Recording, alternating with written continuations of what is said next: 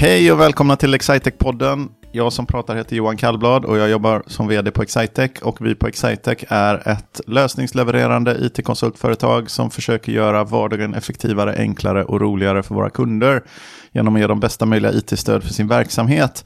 Och idag så har podden faktiskt blivit lite eh, invaderad eller annekterad beroende på vilket ord man vill använda av eh, en Excitec-podden, kändis Andreas. Hej. Hej Andreas, Andreas Karlsson är tillbaka. Så, så har vi en ny, en Excitec-kändis, intern Excitec-kändis, men som inte varit med på, han har duckat podden tidigare. Henrik Lillhage, hej Henrik. Tjena.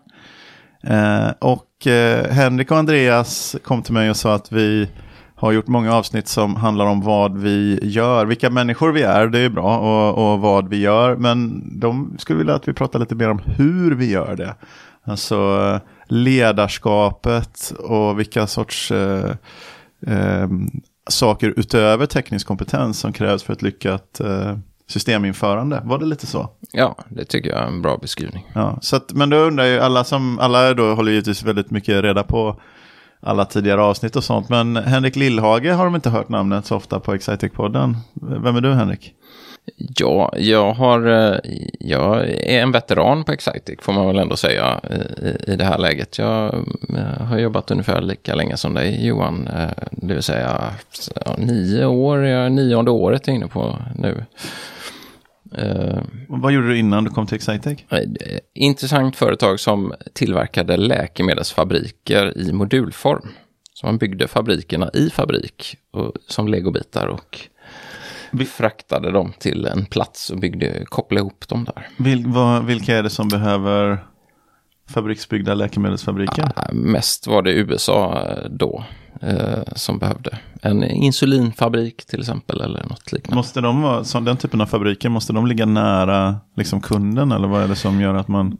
Nej, den kan ligga en bit ifrån till exempel. Eh, vi skeppade en insulinfabrik till Costa Rica just för att göra liksom en, en icke-beroende inom landet. Om någonting händer i landet mm. så finns det en fabrik utanför landet till exempel. Eh, så, så det, det är ju fördelen att den behöver liksom inte ligga nära kunden. Du kan bygga, vi byggde våra fabrikerna i, i Tallinn då. Och så skeppades de dit kunden ville ha den helt enkelt.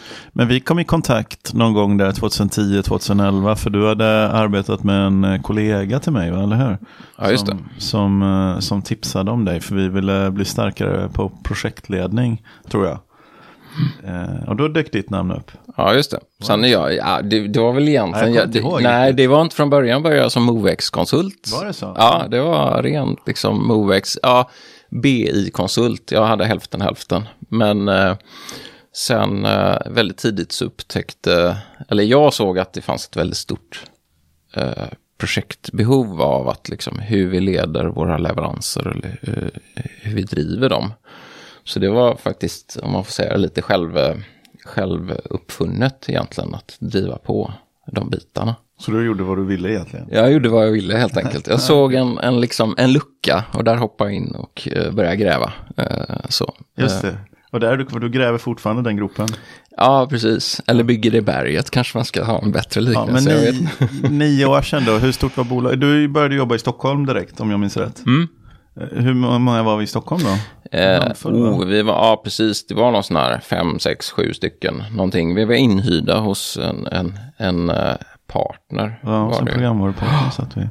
Uh, och så var vi typiskt 35 anställda totalt. Någonting på hela företaget. Just det, och nu är vi väsentligt fler. Ja, men du, du, du, ni funderar lite grann på vad ni ville prata om. Hej Andreas också, ska du ta en recap om, om uh, vad du, du jobbar ju, du kom ju hit som projektledare då. Ja, jag började jobba som projektledare för ett, ett år sedan här på Excitec. Ja, just det. Det var väl uh, efter intervju med Henrik då som så uh, började här. Ja, just det. Och sen, och du hade bakgrund från Siemens var det va? Ja, där jag jobbade i nästan tio år i alla fall. Yeah. Med olika former av ledarskapsroller. Men bland annat projektledning. När du pratar om ledarskapsroller kontra det vi gör, det var ju en av de sakerna som, som ni pratade om att vi skulle behöva reda ut begreppen kring. Vad finns det för några olika slags projektledarskapsroller i ett företag som Excitec? Alltså leveransrelaterade ledarskapsroller men jag, inte, inte de interna kanske. Den mest klockrena och uppenbara är just projektledning. Det är en stor del av, av den ledarskap vi levererar i våra leveranser till våra kunder. Eh, Men sen har vi ju förvaltning också en väldigt viktig ledarroll för, för eh, kunden och produkternas välbefinnande. För, förvaltning det är då efter att projektet är, eller jag ser, nu börjar jag sladdra till det direkt. Kan du reda ut Nej, lite grann? ja. Vad är projekt och vad är förvaltning? Eh, alltså projektdelen är, är ju. Märkte du hur snyggt jag gjorde det här? Ja, absolut. in en fråga. Ja, exakt. ja. Nej, men pro- projekt, eh, projektet är ju egentligen, det är ju oftast en, en systemimplementation. Det är den vanligaste eh, större delen vi gör projektledning kring. Alltså kunden har ett system, vill införa ett nytt. Och då leder vi den implementationen. Men sen är det ju även projektledning. Det kan vara andra saker. Det kan vara förändringar hos kunden som behöver byggas på ett nytt system. Eller förändra ett befintligt eller uppgradera eller göra ett stort eh, liksom, omtag. Hur, hur, hur stort ska något vara för att vara ett projekt? Eller vad vad liksom... Det, det är ju ganska flytande. Vi brukar säga så här, men runt 40 timmar bör, bör det väl vara eh, minst för att eh, för vi ska liksom kalla det någon form av projekt. Så tömma en diskmaskin är liksom inte ett projekt, det är en arbetsuppgift det. Ja. Ja, sådär. Eh, och ofta ligger liksom de projekten, ja, som jag och Andreas och våra närmsta kollegor jobbar med, de ligger ju runt eh, ja, mellan 200, ja, 200 timmar uppåt om det ska vara. Till liksom- många tusen timmar va? Ja, till flera tusen, de största uppdragen. Och eh, förvaltning då, vad betyder det? Eh, det är ju det som ofta hamnar, eller som ligger efter då har infört, alltså eh, ta hand om eh, kunden och kundens miljö, eller de förfrågningar som kommer som efter ett systeminförande.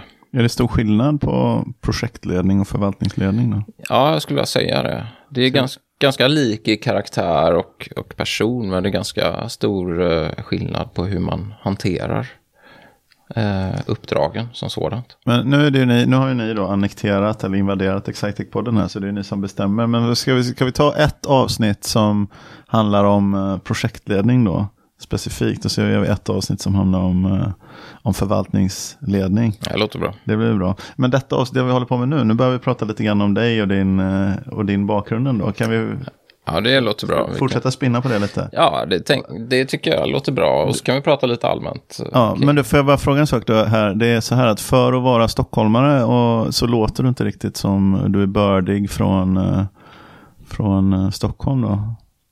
Så har du någon mörk hemlighet du vill klämma fram med här? Ja, precis. Jag är från Göteborg från början. Du är från Göteborg Ja. alltså? Ja. Det, vad fick dig att lämna Göteborg då?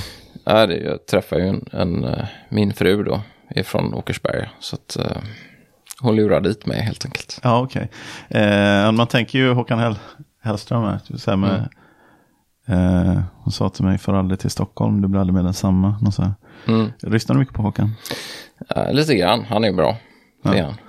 Vad, vad är största, vad saknar du mest från Göteborg då? Uh, ja, det är ju inte vädret i alla fall.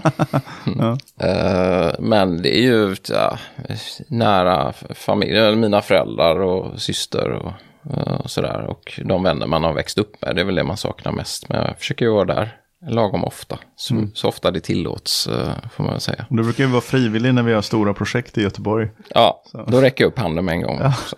Vi hade, är det du som har kört? Vi har, har gjort ett jättestort projekt åt en stor nöjespark i Västsverige. Ja, Som har huvudkontor i Göteborg. Mm. Som, eh, och det var du som räckte Ja. upp handen där. ja, Ja, det förvånar mig inte alls. nej.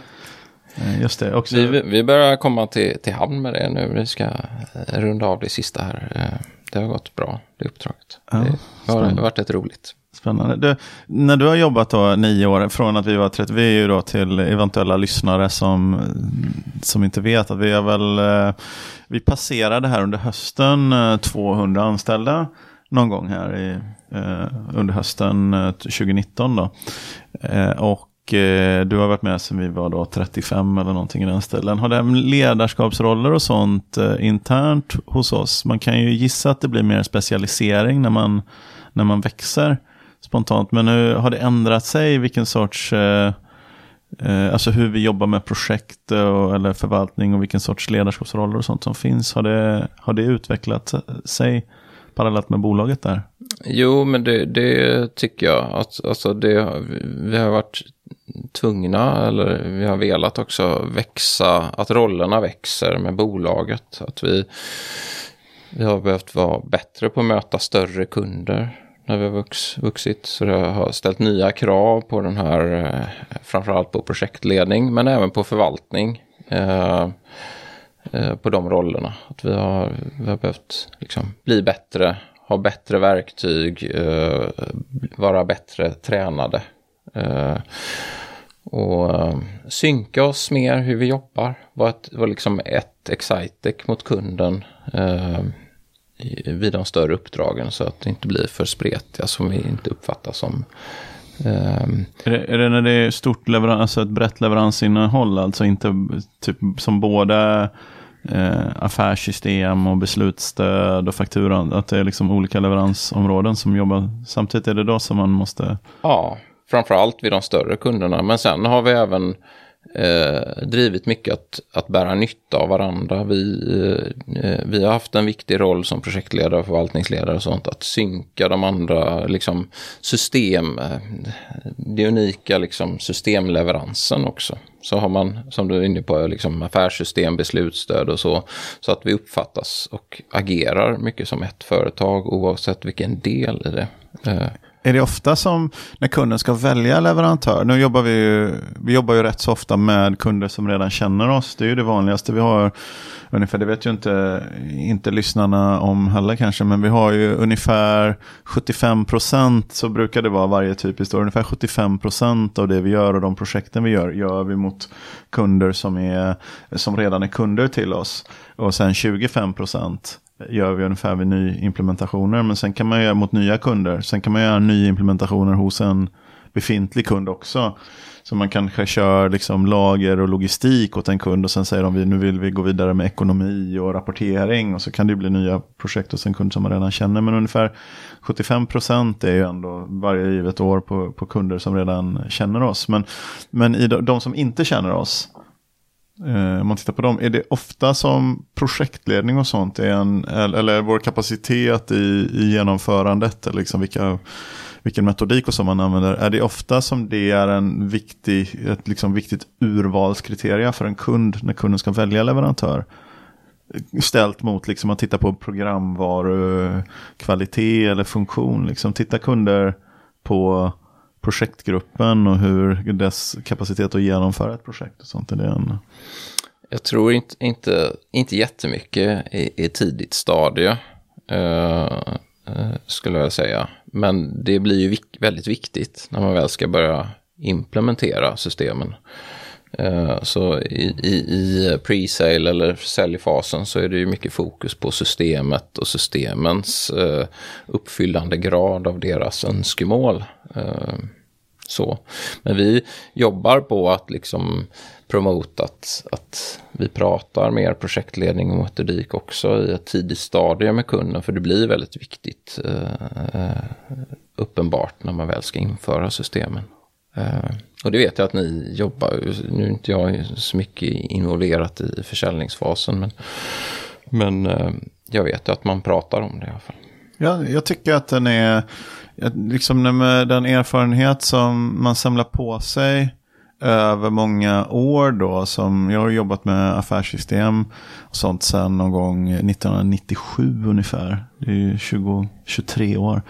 Eh, och i den erfarenheten är, handlar väl de sista tio åren har jag tänkt väldigt mycket på att det är ju ofta inte så enormt stor skillnad på olika programvaror. Man, de funkar absolut på olika sätt men det är inte så att olika programvarors kapacitet är det som avgör om det blir bra eller dålig implementation. Det kan säkert vara så att någon programvara saknar viktig funktionalitet om man har köpt fel och man har fel system. Säkerligen händer det. Men det är ju mycket större del av användarupplevelsen och värdet och kundvärdet som är ett resultat av hur man införde och överförde kunskap och fick saker att funka tillsammans. Det är ju väsentligt mycket viktigare än vilken färg man använder på verktygslådan. Egentligen. Men jag också är absolut av uppfattningen att upphandlingar till 80-90% handlar om, om teknikaliteter i verktygslådan. Om man har eller inte har en viss funktionalitet som i regel inte är så jätteviktig. Men förmågan att liksom överföra kunskap i användandet av den. Det är knappt Liksom, hur kvalitetssäkrar ni era utbildningar? liksom, den frågan har jag aldrig sett i ett upphandlingsunderlag. Däremot finns det en knapp där om man trycker på den på det här sättet så händer exakt det här och så skrivs det ut något där det står en rubrik som det står följesedel på här längst upp till vänster på svenska. Liksom. Så det, det är, det är mm. med i varje upphandling. Det är lite märkligt. Men det är ju så att en bra projektgrupp tar ju hand om, om liksom nya krav och eh, ja, förändringar under resans gång och, och eh, löser det som kunden behöver. Eh, även om systemet inte är perfekt valt från början. Men har du tvärtom med liksom det perfekta systemet men en dålig projektgrupp så kan det ju snarare bli tvärtom. Ja. Faktiskt. Så det är, det är väldigt avhängigt vilka eh, vilka människor som är med och hur man jobbar i implementationen. Den är väldigt viktig. Som... Hur, hur sätter man ihop ett projektteam då? Brukar projektled, projektledningen, för den, för är man med där och sätter ihop projektteamet eller är det redan bestämt när man jobbar man med det man får så att säga? Mm, vi, eh, vi brukar vara involverade i bemanningen på något sätt. Eh, eh, I de större uppdragen i alla fall. Eh, och det gäller en bra balans av, av eh, erfarenhet och personligheter och eh, ja, kompetens. Både på system och eh, inom systemen även mjuka delar. Och, och där, eh, där det behöver kompletteras så är det viktigt för oss som, som projektledare eller förvaltningsledare att, att se till att det blir kompletterat på något sätt. Antingen att vi själva gör det eller att vi ser till att någon annan gör det så att det blir ett bra team fyller igen liksom, eh, luckor som saknas. I min eh, favoritsport, amerikansk fotboll, så, så säger man ofta att uh, the best ability is availability. Och uh, det handlar framförallt i och för sig om skador då i det fallet. Men uh, att ha projektdeltagare som inte är överbelastade med att jobba med andra saker måste ju vara en mm. ganska viktig fråga också. Ja men säkra upp att resurser, det gäller ju både åt det interna hållet men även åt kundsidan. Att se till att kunden också har säkrat upp med liksom sin resursdel. Hur gör man de, det då? Ja, man ställer en fråga helt enkelt. Är det, är det, är det vanligt att kunden eh, underskattar sin egen eh, liksom belastning eller, eller bemanningen som de måste göra eller belastningen någonting kommer innebära i deras egen organisation? Ganska vanligt, lite för vanligt. Eh, det finns allt från att kunden tror att nej, men vi ska komma och göra allt jobb och de ska bara titta på egentligen. Eh, till, till en väldigt eh, mogen it-beställare som inser att nej, men vi kommer nog behöva lägga mer tid än, än, än vad systemleverantören kommer göra i det här fallet. Jag brukar sätta ett riktmärke någonstans. Att nej, men åtminstone att kunden lägger, planerar att lägga lika mycket tid som vi lägger. Då hamnar man åtminstone inte så mycket fel. Mm. Det brukar vara ganska bra. Och, Ett... och ta, den väldigt, ta upp den väldigt tidigt, första projektstarten. Så här, hur mycket tid kommer ni lägga var som är med i forumet här till exempel? Det är en väldigt enkel och rak fråga. Hur ofta är det vi som är kundens projektledare också? Alltså att vår projektledare representerar både kund och vår leverans? Eller är det vanligt att kunden har en projektledare som samarbetar med vår projektledare? Eh, det, det, är det vanligaste att, att vi har liksom en projektledare från vår sida och kunden har en motpart eh, på sin sida som leder verksamhetens projektledning. Det brukar mm. bli bäst och det blir en bra balans. Mm. För kunden har insikt i sin verksamhet eh, och hur man jobbar, vilket vi inte har. Vi har insikt i hur systemen fungerar. så att, och där kan ofta bli en, en kanske en missuppfattning ibland när, de, när liksom det har funnits sådana projekt där tror att vi ska sitta hos dem och verkligen projektleda deras verksamhet. Men vi, hyr, vi, har sådana uppdrag också där vi eh, också har ingått som en resurs eller varit uthyrda som en resurs kan man säga på den beställande sidan hos ja. kunden. Och det brukar vara bra ganska, att det är två olika personer. Så att man inte sitter på dubbla stolar för då blir det ett liksom tydligt beställargränssnitt mellan dem. Mm. Då har man två olika fokus och kan jobba tillsammans då med. Jag undrar, Så- över de här, de här rollerna som vi pratade om. Vi skulle ta, det är många projektledningsfrågor känner jag som jag skulle vilja ställa. Men om vi ska köra det så att det inte blir ett för långt avsnitt här så ska vi köra ett separat projektledningsavsnitt. ju, För jag har massor av projektledningsfrågor. Men jag undrar över andra roller också som finns. Jag har en specifikt i huvudet som det pratas om ibland. Och det är det som heter förändringsledare. Eh, är det en, eh, liksom, vad är en förändringsledare? Och är det något som, är det mer för stora företag eller liksom vad, vad är...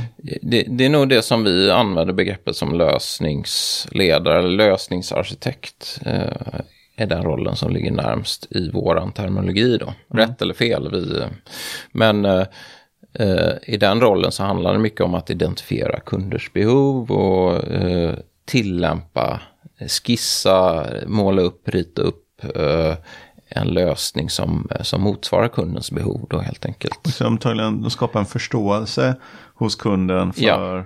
och en acceptans.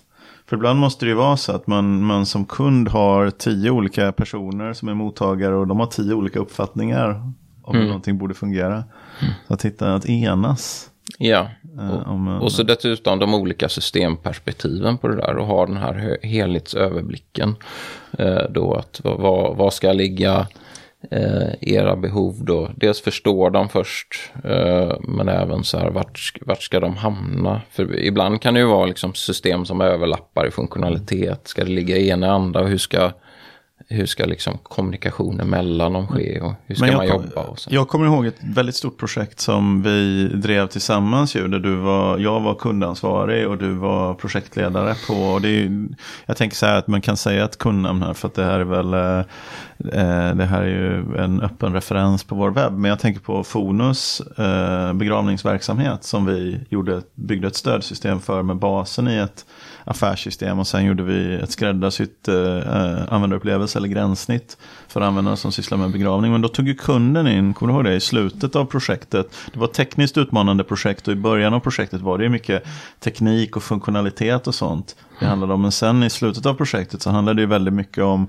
att rulla ut till många hundra användare liksom och få acceptans för det. Det visade sig att de hade kanske inte jobbat på samma sätt i Göteborg som de brukade jobba i Stockholm och så vidare. Och då tog ju kunden in en förändringsledare, Micke Hansson, där. Ja, just det. det? Ja, Eh, och det med väldigt bra resultat som, som jag vill minnas det. Då var det mer att nej, men vi är faktiskt tekniskt sett, nu ska vi egentligen bara, vi ska rätta fel. För det finns fel alltid i systemutvecklingsprojekt. Det blir en del defekter eller avvikelser. Men i väldigt liten utsträckning ändra funktionalitet. Utan vi har valt en funktionalitet och den ska naturligtvis funka så som den är avsedd. Men vi ska nu i detta sena läget i projektet inte ändra oss om vilken funktionalitet vi behöver. Annat än om det visar sig att vi har verkligen tänkt helt fel. Utan funktionaliteten den ska vara given nu. Nu måste vi ändra liksom användarbeteendet så att deras arbetssätt kan mötas av de- facto funktionaliteten som vi har valt. Så, så det, det minns jag som en väldigt intressant. Han jobbar ju säkert tre, fyra månader med eh, att landa in den här projektleveransen i kundens organisation. Mm. Det, men då var det ju kunden som tog in förändringsledaren till, till sin sida och agera som kundens projektledare. Ja, absolut. Så han hade ju båda rollerna där egentligen. Ja. Och vi, eh, vi hade ju också motsvarande roller. Alltså jag var ju projektledare då, men sen hade vi ju Micke Höglund eh, eh, som var den här lösningsarkitektsrollen som, som, eh, som målade upp visionen och förstod eh, liksom Fonus behov och, och eh, skissade upp på själva lösningen. Eh, och det var ju, ett- funkar ju väldigt bra samspel, både mellan mig och Micke eh, och även mellan eh, kundens projektledare då och ja, verksamhetsförankrare eller vad man kallar rollen. Sådär. Så ett lyckat projekt. Du, när vi jobbar med, eh, nu kommer jag in kanske på en projektledningsfråga igen. Jag tänkte fråga om projektmodeller. eh, Och sånt där liksom arbetssätt och hur lika varandra olika projekt är. Men vi kanske ska säga som så att det här kanske är en lagom introduktionspoddavsnitt till eh, det här huret, alltså hur gör vi våra systemleveranser? Och så sparar vi den frågan om projektmodeller till Absolut. projektledningsavsnittet. Mm. Så är det någonting annat som, eh, som introavsnitt här? Vi brukar försöka hålla dem till, eh, nu har det redan gått 25 minuter tror jag. Vi brukar Mm. ha ett kontrakt med lyssnarna att vi inte får göra dem så mycket längre. Eh, Så är det någonting mer som du vill ha med i detta avsnittet eller ska vi ta och runda av?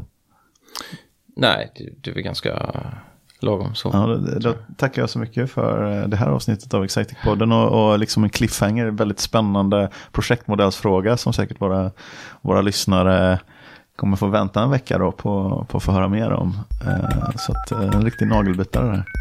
Tack så mycket för att ni ville vara med.